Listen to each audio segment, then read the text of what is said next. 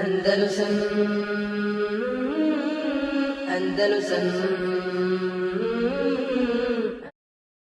يا أرض أندلس الحبيبة كلمي إني بكيت على فراقك فاعلمي لم تسيني الأيام صوتك عندما ناديتني فصمت لم أتكلم وقعدت عن أرض تبات عن ربا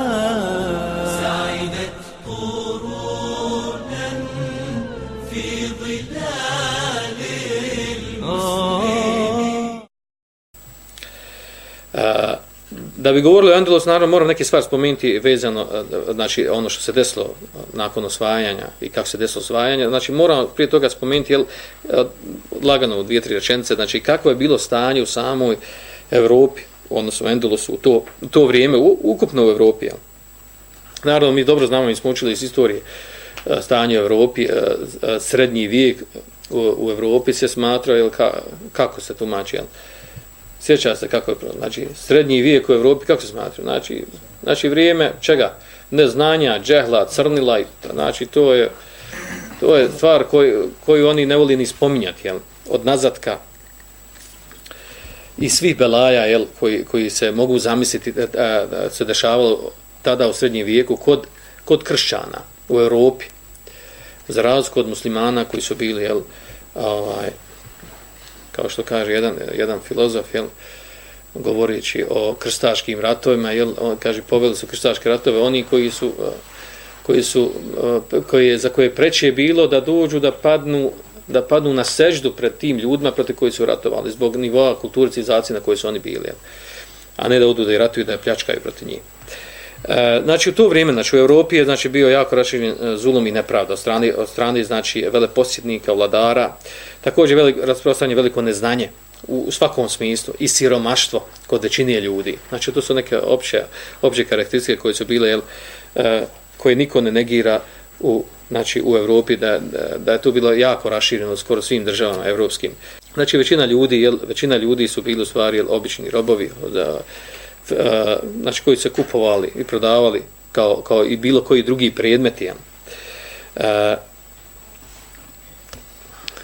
a da ne govorim jel, o, o nečistoći, jel, odnosno o čistoći, jel, vi znate ovaj, da, da je Evropa da je Evropa doživjela taj neki, tu neku promjenu o, po pitanju čistoći tek u 20. stoljeću. Jel. Da je prije toga jel, Evropa bila poznata po velikoj nečistoći i i zaostalosti u tom kontekstu, jel? Do te mjere, jel, da, da postepenost, da postepenost uvođenja ovaj, ti nekih komunalnih napredaka u Europi je bio, jel, u 20. stoljeću, znači, u Francuskoj i drugih država, znači, da su, da, znači, u njih prvo nije, ovaj, ako su, ako su bile neke kuće gdje se vršila nužda, Znači oni su bacali, ko nije bilo sasvim normalno da se kroz prozor baca izmet i mokrača dol na cestu kuda hode ljudi. Pa je donesen prvi zakon, revolucionarni zakon, gdje se naređuje da nije dozvoljeno baciti kroz prozor izmet i mokraču, a da se prije toga ne najavi da ne bi na koga bacio do tada voda. To je prvi zakon. Pa onda došao bolji zakon o tog, kad su već napredovali, da nije dozvoljeno uopšte bacati, nego treba to pokupiti, odnijeti na mjesto gdje se nosi nečistoće. Znači, tako su oni napredovali. Tu dva sve stoljeća bila. Tako su oni napredovali svoje čistoće. A u periodu kad smo Osmani osvajali Španiju, znači i to zabilježi muslimanski pisci i autori, da je kod njih bila sasvim normalna stvar. Znači, to je standard bio da, da su se samo jednom godišnje kupali. Znači, ljudi, većina ljudi, je bilo, ima znači, godišnje kupanje jednom vršeno. Zamislite čovjeka koji se jednom okupa godišnje. I čak su smatrali jel, ovaj, da, je to, da je to tako i treba, da je to, da je to korisno, da je to zdravo i tako dalje. Znači čovjek koji se jednom godišnje okupa, znači eh, kako je njegovo tijelo, koliko smrdi, i sve drugo što se može zamisliti za jednu takvu osobu. Što mušku, što žensku. Znači, to sam govori, znači, eh, znači u kakvom su oni prljavštini i nazadku živjeli. Znači, to, to, to su te neke kraće e, crtice vezane za, za stanje u, u Evropi, mada se o tome da može nadugačko naširoko pričati, to se, to se može naći u knjigovim knjigama zapadnim. بالله زرت المغاني مرة عرج على أهلي هناك وسلمي. كانوا الملوك